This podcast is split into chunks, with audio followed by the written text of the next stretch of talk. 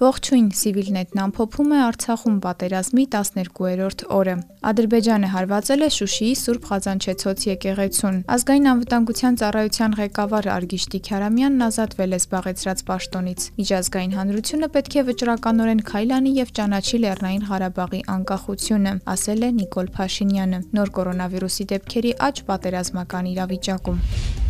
Արցախում շարունակվում են ռազմական գործողությունները։ Ադրբեջանը օթանավով հարվածել է Շուշիի Սուրբ Ղազանչեցոց եկեղեցուն։ Վնասվել է եկեղեցու գմբեթը։ Արցախի նախագահ Արայիկ Հարությունյանը Facebook-ի իր էջում գրել է. «Վանդալիզմի այս դրսևորումը դեմ է մարդկության եւ Աստծո օրենքներին։ Կվերականգնենք»։ Ավելի ուշ Ադրբեջանը եւս մեկ անգամ հարվածել է եկեղեցուն, ինչի արդյունքում վիրավորվել է նաեւ արտասահմանցի լրագրող։ Նրան տեղափոխել են հիվանդանոց։ Երեք Արայիկ Հարությունյանը հրավիրել էր աշխատանքային ընդլայնված խորհրդակցություն, որի ընթացքում որոշվել է առաջիկայում ստեղծել վնասների գնահատման հանձնաժողով։ Ռազմական գործողությունների ավարտից հետո դրանց վերականգնման համար կտրվի պետական փոխհատուցում։ Արցախի տեղեկատվական շտաբը առավոտյան հայտնել էր, որ գիշերվա ընթացքում հակառակորդը շարունակել է հրթիռակոծել Ստեփանակերտը, իսկ Արցախա-ադրբեջանական հակամարտության գոտում իրավիճակը գիշերվա ընթացքում կայուն լարված է եղել։ Օրվա ընթացքում Պաշտպանության նախարարության խոսնակը հայտնել է, որ հակառակորդն անընդհատ ձեռնարկում է հարձակման փորձեր, որոնք մատնվում են անհաջողության։ Արցախի պաշտպանության նախարարությունը հրապարակել է ադրբեջանական ագրեսիան հետ մղելու ընթացքում զոհված եւս 30 զինծառայողի անուն։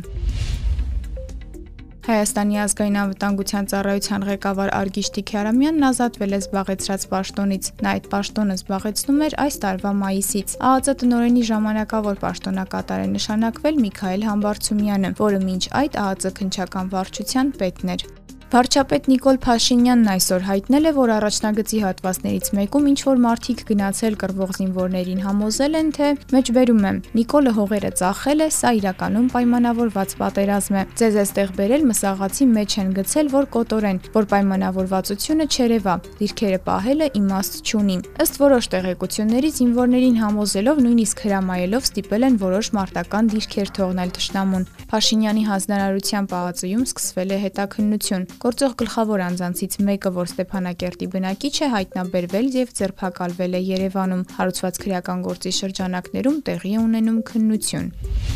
Նիկոլ Փաշինյանը հարցազրույց է տվել Euronews հեռուստաընկերությանը։ Նա նշել է, որ միջազգային հանրությունը պետք է վճռականորեն քայլ անի եւ ճանաչի Լեռնային Ղարաբաղի անկախությունը։ Սա ցեղասպանության սպառնալիք է եւ այդ ցեղասպանության սպառնալիքի իրականացման գործում այսօր ներգրաված են միջազգային ահաբեկիչներ, որոնք հավաքագրել եւ տարածաշրջան են բերվել Թուրքիայի կողմից եւ որոնք մարտնչում են Ադրբեջանի կողմից, ասել է նա։ Փաշինյանը հիշեցրել է, որ Հայաստանը եւ Ղարաբաղը չէին կարող սկսել այդ պատերազմը, քանի քանի որ ռազմական խնդիր չունեն լուծելու։ Խնդիրը, որ մենք պետք է լուծենք, քաղաքական է, եւ Ադրբեջանն է, որ պատերազմին նախորդած վերջին 15 տարում, 15 ամսում, 15 շաբաթում, 15 օրում անընդհատ սպառնացել է, որ ինքը ռազմական ճանապարհով կլուծի հարցը, պարզաբանել է Փաշինյանը։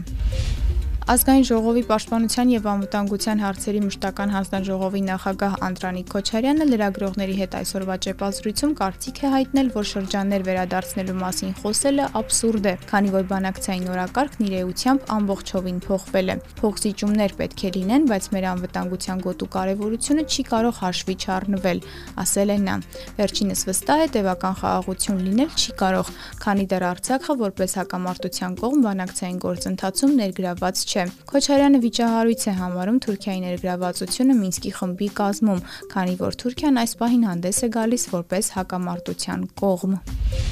Լեռնային Ղարաբաղի հակամարտության կարգավորման համար Ռուսաստանի, Հայաստանի եւ Ադրբեջանի ղեկավարների երակողմ հանդիպում ծրագրված չէ։ Այս մասին հայտարարել է Ռուսաստանի նախագահի մամուլի քարտուղար Դմիտրի Պեսկովը։ Նրա խոսքով Ռուսաստանը Լեռնային Ղարաբաղի հակամարտության կարգավորման համար երկխոսություն է վարում ամենատարբեր մակարդակներով, այդ թվում բարձրագույն։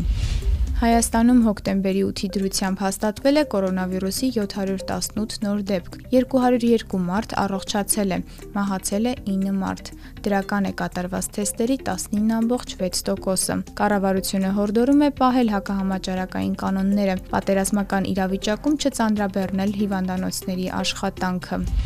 Պատերազմի հարավային ուղությամբ ընթանում են ծանր մարտեր. Փոփոխական առաջխաղացումներով։ Civilnet-ի թիմը այցելել է Հադրութի մատույցներ, Տող եւ Մեծ Թաղեր, զրուցել թիկունքը պահող բնակիչների հետ։ Առաջարկում եմ դիտել ռեպորտաժը մեր կայքում եւ սոցիալական հարթակներում։